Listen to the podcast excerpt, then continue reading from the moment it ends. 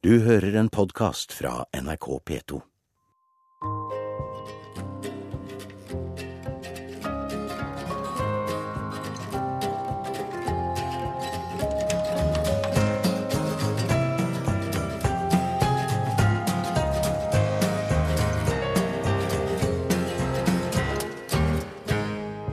Hei, jeg heter Dag Øystein Ensjø, og jeg er professor i religionsvitenskap og jobber ved Universitetet i Oslo.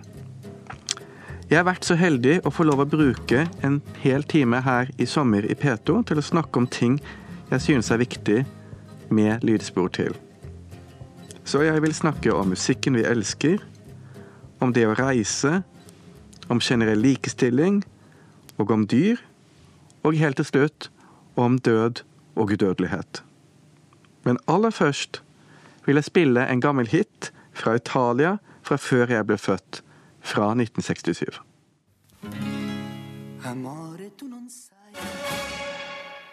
Min mor ga meg den beste musikalske oppdragelse jeg kunne få.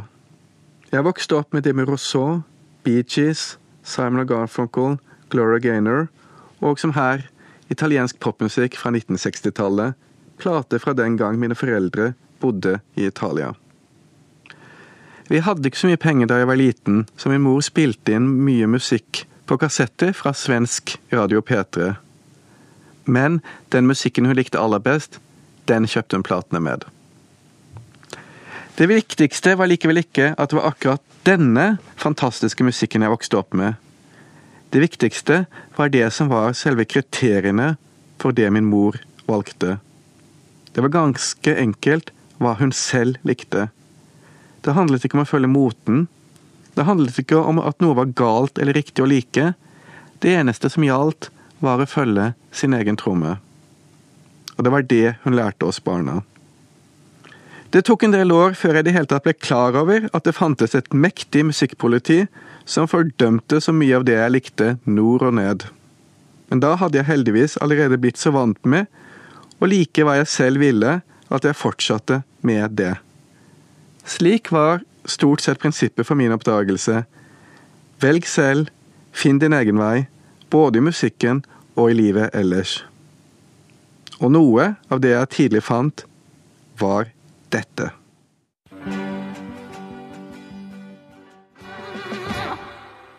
Dette var Panayamo Panayamo med greske Marisa Kor. Akkurat denne sangen så jeg først på en musikkvideo på NRK i 1976. Fremført av en stor og tungsindig kvinne med langt, flagrende hår mens hun vandret fortvilet mellom sønderskutte ruiner på et krigsherjet Kypros. Hyl, skrik, drama og fullt orkester. Slikt gjør selvfølgelig et uutslettelig inntrykk på et ungt barnesinn. Andre kjenner kanskje også igjen denne sangen, siden dette var Hellas bidrag i Melodi Grand Prix i 1976. Melodi Grand Prix, denne årlige tilgangen til annet enn engelsk og skandinavisk musikk, var som en åpenbaring for meg da jeg var liten. Musikk fra Spania og Jugoslavia, Tyrkia og Luxembourg var ikke nettopp dette som ellers ble spilt på NRK, eller var å finne noe annet sted i Norge. Og for en gutt som lengtet etter fjerne steder og kulturer, var denne sære eurovisjonsmusikken et sjeldent vindu til en annen verden. For jeg, jeg ønsker meg til steder jeg bare så på verdenskartet, eller bare hadde mynter eller frimerker fra. Jeg drømte om stedene jeg leste om i min fars meterlange samlinger med National Geographic og de mest forskjellige reiseskildringer. Som Himalaya-kongedømmet Bhutan og Stillehavsrepublikken Nauru, og som eksotiske jungelkulturer i Sentral-Afrika og Melanesia. Og jeg drømte om glemte sivilisasjoner og tempelbyer, som jeg leste om i Carl Barks Donald Duck-verden. Noe av det som er fint ved å være voksen, er at man kan gjøre mye av det man bare kan drømme om som barn. Og det er knapt det sted det ikke er mulig å reise til. Jeg har vært heldig og besøkt de fleste land siden da. Det er til nå blitt 203 til sammen. de fleste av de landene jeg drømte om, så vel som en del til. Jeg har vel omtrent 40 igjen, og gleder meg til å reise dit senere.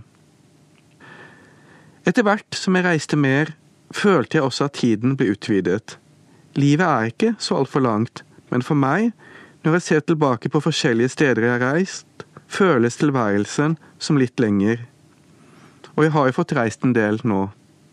Som til Pitcairn, med sine 60 innbyggere, Storbritannias siste besittelse i Stillehavet, befolket med etterkommere fra mytteriet på Bounty som jeg kom til da etter å ha puffet av gårde i en bitte liten, gammel og svært så falleferdig båt i to døgn. Eller på motorsykkel på stier gjennom jungelen fra Guinea-Bissau til Guinea-Conakry, eller i vaklevårende kanoer over grenseelver i Laos, Mauritania og Surinam. Eller når jeg gikk fra kloster til kloster i den autonome munkerepublikken Atos, der kun menn har adgang. Turen som for meg likevel er den aller viktigste, gikk ikke så langt. Den gikk til Ås, litt utenfor Oslo, sammen med min farmor. Det var sommeren før hun døde i 1998, og en dag ble jeg med henne til gården hun vokste opp på i Ås i Follo. Det var ikke første gang jeg var i området, jeg vokste selv delvis opp i Ski ikke langt unna, men denne turen til Ås med min bestemor var en reise til en helt ny verden. Det som til da bare hadde vært helt vanlige jorder med diverse spredde gårdstun, ble gjennom en farmors spontane veiledning en uendelig lang historie som jeg selv var en del av. Dette var landskapet der hun var født og vokste opp, og generasjonene før henne. Her, i disse områdene, hadde slekten holdt til så langt tilbake som det var mulig å finne ut av. Ved hjelp av min fortellende bestemor ble hele geografien med ett et levende landskap. Jordene fikk en identitet, gårdene vi kjørte forbi representerte alle hver sin del av historien. Små vann var gamle minner, skogsområdene var like så dystre for meg som de hadde vært for min bestemor da hun var ung, og for hennes bestemor igjen da hun var ung. Gjennom min bestemor ble jeg en gang for alle vist hvor knyttet jeg egentlig var til dette landskapet jeg aldri hadde tenkt noe spesielt over tidligere. Men denne tilknytningen lå vel så mye i alle minnene, tankene og forestillingene knyttet til landskapet som landskapet i seg selv. Hadde jeg ikke fått ta del i disse gjennom min bestemor, hadde jeg antageligvis fremdeles ikke tenkt noe særlig over disse områdene. Follolandskapet med sine gylne kornåkre og røde og hvite gårdstun var likevel det samme da vi dro tilbake til Oslo sent den ettermiddagen. Jeg må medgi det. Men jeg hadde endret meg, og med meg hadde også landskapet slik jeg så det, forandret seg. Fullstendig. Jeg så en helt ny geografi. Men man foretar også andre typer reiser ikke bare i sted. Noe av dette kan illustreres med denne sangen, en strålende og fullstendig glemt minihit fra 1981, fremført av britiske Anna O'Malley, eller bare Anna, som var artistnavnet, som uansett aldri gjorde noe mer av seg i musikkverdenen. Like they do in the movies.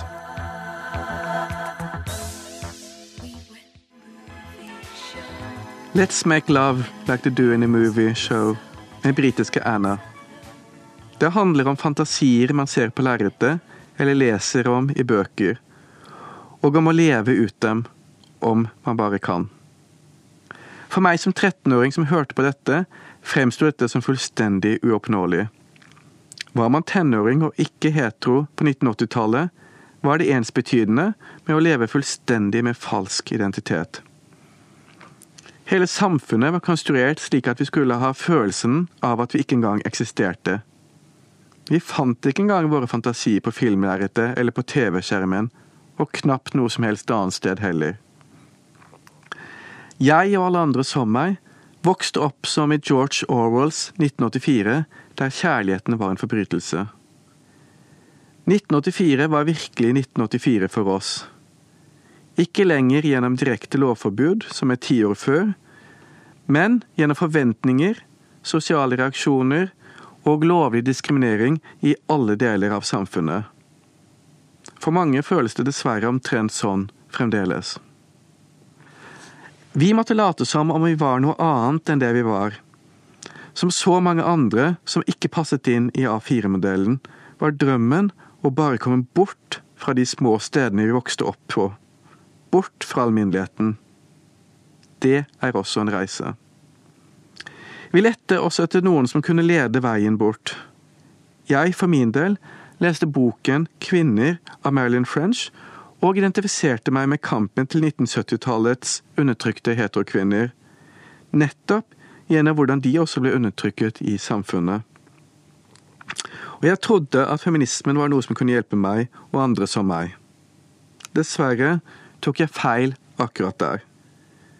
Det jeg trodde handlet om å fjerne diskriminering generelt, om å kjempe for retten til alle mennesker om å få lov å leve akkurat som man selv vil, handlet i stedet bare om at visse mennesker ønsket å fjerne bare akkurat den diskrimineringen som rammet dem selv.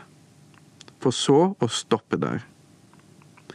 Den ledende feminismen klarte ikke å se at det handlet om akkurat det samme om man blir undertrykket pga. sitt kjønn, eller pga. sin seksuelle orientering, funksjonsevne, hudfarge eller hva det nå skulle være. Som i Norge, der eliten av hvite heterofile, ikke funksjonshemmede feminister synes at alt var fullstendig utmerket i over et kvart århundre da det bare var ulovlig å diskriminere på grunnlag av kjønn, mens all annen diskriminering var fullt lovlig. Det selvsagte at all diskriminering skulle være forbudt, at all diskriminering var like ille, uansett hvem som ble rammet, var dessverre ingen selvfølge i norsk sammenheng. Norge var dessverre i stedet et rangeringssamfunn der de samme diskriminerende handlingene var ulovlige, straffbare eller ganske enkelt lovlige etter hvem som ble rammet. Denne fullstendige mangelen på fokus og fraværet av diskrimineringsvern gjorde også at alle oss andre, alle oss homoer, funksjonshemmede, transer, etnominoriteter, overvektige, eller hva det nå var, ble stående ganske alene mot alle fordommene og diskrimineringen. Men det er ikke slik at det bare er majoriteten der ute som diskriminerer oss minoriteter. Vi gjør dessverre alle det. At man selv blir undertrykket, betyr ikke at man ikke selv kan undertrykke andre. Og mange som blir diskriminert, diskriminerer nettopp selv. Vi må nettopp derfor alle prøve å se gjennom våre fordommer. Vi er ikke først og fremst kvinner eller menn, funksjonshemmede eller ikke, homoer eller heteroer. Våre individuelle forskjeller trumfer alle disse overfladiske merkelappene.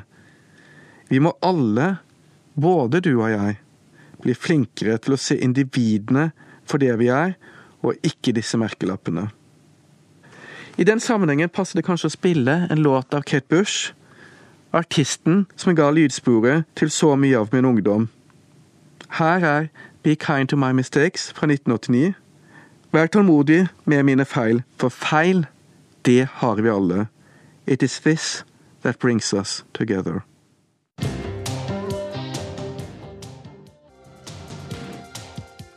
Dette var Kate Bush med en B-side fra en singel fra 1989, Be Kind To My Mistakes. Og jeg, jeg er Dag Øystein Ensjø, professor i religionsvitenskap, som jobber ved Universitetet i Oslo. Og her, i i P2, snakker jeg om noe av det jeg er mest opptatt av. Mitt utgangspunkt i likestillingsverdenen var det skeive perspektivet, og jeg har da også hatt diverse verv i ulike skeive organisasjoner, sånn som det som helt nylig var Landsforeningen for lesbiske, homofile, bifile og transpersoner. Men jeg innså fort at det ga lite mening å bare kjempe for at man selv skulle få bedre rettigheter. Ikke bare er det lite glede i om man bare en selv plutselig skal være blant de på A-laget. Har du lyst til å være blant de som undertrykker andre? Ikke var det logisk heller å bare kjempe for seg selv. For likestilling og diskriminering handler om menneskerettigheter, og menneskerettighetene gir alle samme beskyttelse mot diskriminering. Så hvorfor skulle da akkurat gruppen vi representerte, bli likestilt, men ikke noen andre? Jeg var i denne sammenhengen med på å stifte Menneskerettsalliansen i 2004. Dette er en paraplyorganisasjon som da har inkludert bl.a. Handikapforbundet, LLH, Foreningen for transpersoner, Antirasistisk Senter, Stopp diskrimineringen, Harry Benjamins ressurssenter og mange andre organisasjoner. Jeg har vært heldig og da også fått lov å være leder i denne menneskerettsalliansen i ni år. Poenget i vårt arbeid er at all diskriminering skal være like forbudt uansett hvem som rammes. Altså ganske enkelt at norsk lov skal være i overensstemmelse med menneskerettighetenes generelle diskrimineringsforbud. Sakte gikk dette også inn hos mange politikere. Et viktig øyeblikk var da vi troppet opp på høring om etnisk diskrimineringslov i Stortingets familie- og kulturkomité i 2005, sammen med en representant for det som da het Landsforeningen for transkjønnede. Komitémedlemmene var i utgangspunktet nokså forvirret. Hva hadde dette med rasismelovgivning å gjøre? Forvirringen vedvarte helt til denne representanten tok ordet og sa Jeg er her som representant for en gruppe som har null vern i loven mot diskriminering. Jeg vil si litt om hvordan det er. Da begynte stortingspolitikerne å lytte. Vi er dessverre ikke helt i mål. Diskrimineringsutvalget, som ble støttet av politikere i alle partier, foreslo at alle skulle ha samme vern i loven. Men dette ble likevel stoppet av den rød-grønne regjeringen i 2011, som ombestemte seg etter massiv motstand fra mektige feminister i Arbeiderpartiet og fagbevegelse, som var av den underlige og fullstendig feilaktige oppfatning av at kjønnslikestilling blir svekket av at vernet blir likt for alle andre diskrimineringsgrunnlag. Disse skjønner dessverre ikke at alle vinner på at man ser all diskriminering i sammenheng, også dem selv, og at et virkelig likestilt samfunn er der hvor hvert individ kan leve som det selv vil. Heldigvis ser likevel flere og flere lyset. Lovverket er riktignok blitt bedre. Man kan ikke lenger diskriminere funksjonshemmede homofile eller transpersoner, men lovvernet er fremdeles ikke like sterkt for alle grunnlag som for kjønn. Og for overvektige, eldre, krigsbarn, sexarbeidere og rusbrukere og andre er det fortsatt stort sett fritt fram. Det er fremdeles så alvorlig at du kan dø av denne fullt lovlige diskrimineringen. Som Siv Tove Pedersen, som døde i fjor etter blitt nektet plass i helsekøen for lungetransplantasjon, bare fordi hun var tidligere rusbruker og nå gikk på metadonbehandling. Hun fikk ikke engang sjansen til å bli individuelt vurdert. Et nytt forslag til felles diskrimineringslov som vil gi alle samme vern mot diskriminering, ligger nå heldigvis ute. Vi får bare håpe at det går igjennom denne gangen. For å vise hvilke mål vi bør sette oss for oss alle, ønsker jeg å spille denne sangen av franske Chantal Biot og hvordan vi sammen kan nå høyt, høyt, følge fuglene mot skyene, mot solen og enda høyere. En dag, en morgen, un jour, un matin.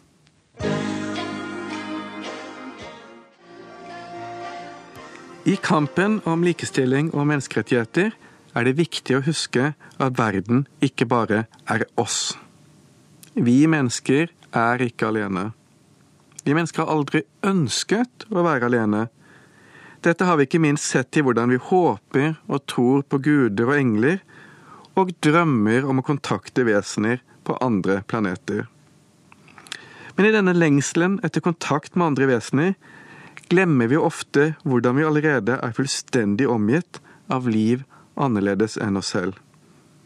Det finnes millioner av andre former for liv på planeten vår. Dyr, fugler, fisk og insekter. Jeg har jo altså jobbet en del med menneskerettigheter.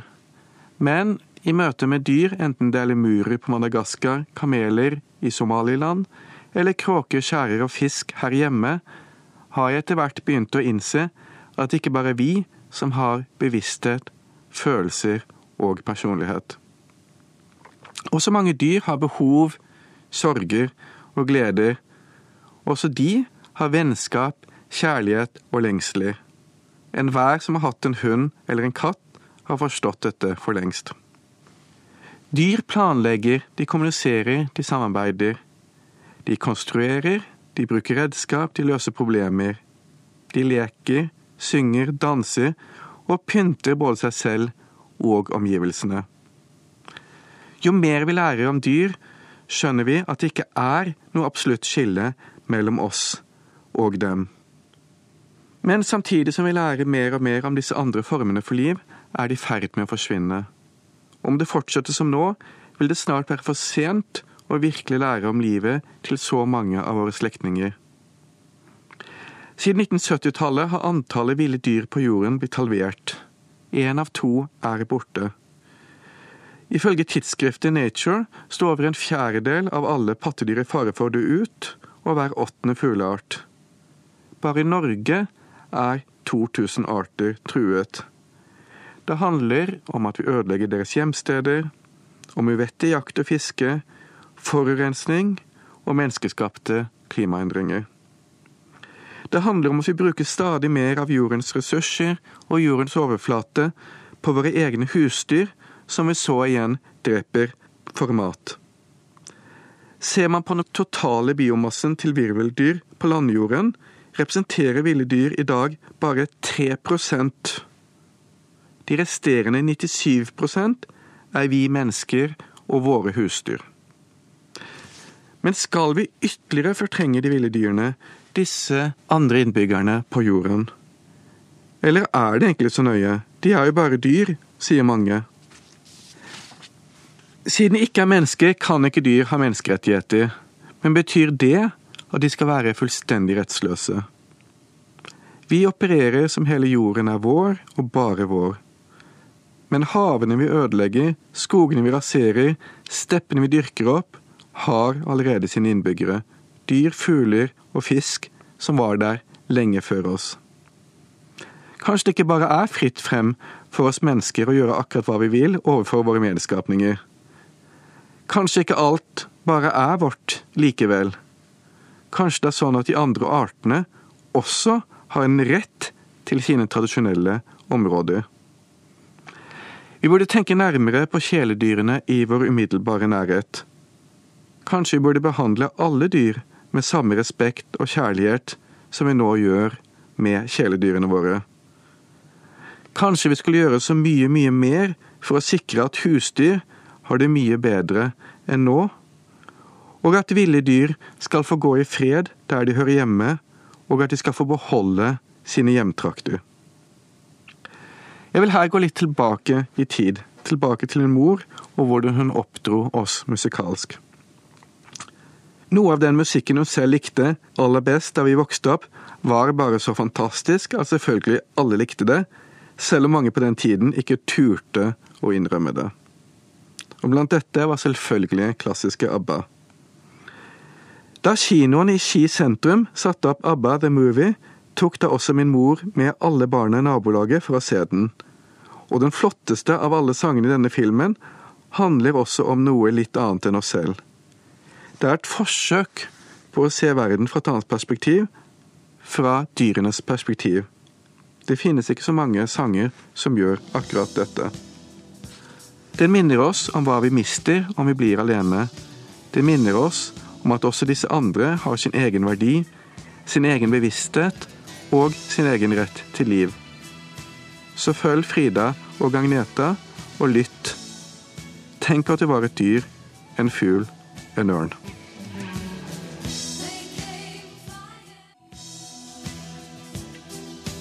Dette var Eagle med ABBA, og jeg er Dag Østen Ensjø som snakker om noe av det jeg er mest opptatt av i sommer i P2. Jeg var tidlig fascinert av det andre, det fremmede. Både i egen kultur og andre kulturer. Denne fascinasjonen førte meg etter hvert til religionsvitenskapen, som jeg nå er professor i. Det er et fantastisk fag, noe som jeg kan anbefale på det sterkeste. Det er ikke den del av samfunnet som ikke har med religion å gjøre, og man kan derfor bruke faget til å undersøke omtrent hva som helst. Jeg har selv arbeidet med ting som gammel gresk religion og tidlig kristendom, altså med myter og legender og med store drama og enorme lidenskaper. Jeg har også arbeidet med religion og populærkultur, sånn som med Disney og fornøyelsesparker, og religion i Melodi Grand Prix. Noe annet jeg har sett nærmere på, er forholdet mellom religion og sex, på hvordan det knapt er den ting som ikke er enten forbudt eller velsignet i en eller annen religiøs sammenheng. You name it. Homosex, heterosex, antirasistisk sex, analsex, oralsex, sex med dyr. Her må jeg ha gjort noe riktig, i alle fall, siden boken min om akkurat dette ble utgitt på elleve språk. Noe av det jeg har jobbet en god del med i det siste, er udødelighet. Ikke om sjelens udødelighet, men om troen på at vi kan leve for alltid med den kroppen vi har nå. Jeg har blant annet skrevet en bok om dette. Udødelighetens historie fra Jesus' oppstandelse til zombier, antioksidanter og barn i ilden. Det er mange forestillinger om fysisk udødelighet i vår kultur. Fra fortellinger om mennesker som blir fysisk udødelige i det gamle Mesopotamia og Hellas, til Jesus og det kristne løftet om at alle kan gjenoppstå. Men dette handler også om vampyrer, zombier, den flyvende hollender og om mirakuløse helbredelser og lik som aldri råtner. Og det handler om den legendariske og angivelige udødelige greven av Saint-Germain, som i alle fall helt beviselig levde på 1700-tallet, men som siden da angivelig har dukket opp igjen og igjen, udødelig siden da, blant annet i Frankrike på 1970-tallet. I alle fall var det da en mann som påsto at han var den udødelige greven. Hvor mange som virkelig trodde på dette, er uvisst, men det var likevel nok fascinasjon rundt denne mannen til han endte opp i diverse talkshow, ble sammen med den glamorøse fransk-italienske superdivaen Dalida, og gikk inn på de franske platelistene i 1975 med en singel sammen med sin berømte kjæreste. Og her er den.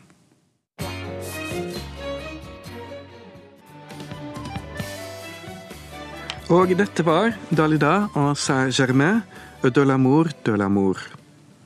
Sånn høres altså en angivelig udødelig mann ut. Hvem vet? Skuffende nok tok mannen som insisterte at han var den udødelige greven av Saint-Germain, og skjøt seg selv i hodet i Saint-Tropez i 1983. Så vi får aldri vite om han virkelig var udødelig. I dag er vitenskapen nærmere enn noensinne å gjøre oss selv udødelige. Gjennom medisin, teknologi, genforskning og transplantasjoner er det gjort så mange fremskritt at det ikke lenger fremstår som umulig at vi en gang ville klare å gi oss selv evig liv. Spørsmålet er om vi ønsker dette, å gjøre oss selv udødelige. Ønsker vi å stoppe livets hjul, for om vi skal leve evig, kan ikke andre lenger bli født. Det blir oss, og bare oss, i all evighet. Vil vi bli udødelige? Jeg vet ikke. Jeg tror ikke det er noe jeg ønsker selv. Det er også noe fint ved ikke å være udødelig ved å være dødelig forgjengelig.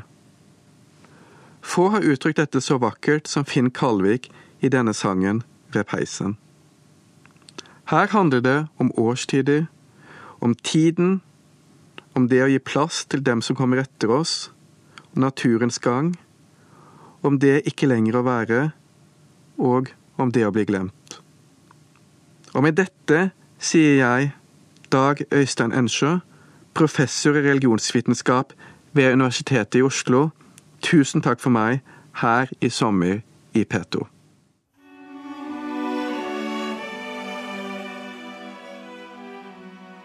Du har hørt en podkast fra NRK P2.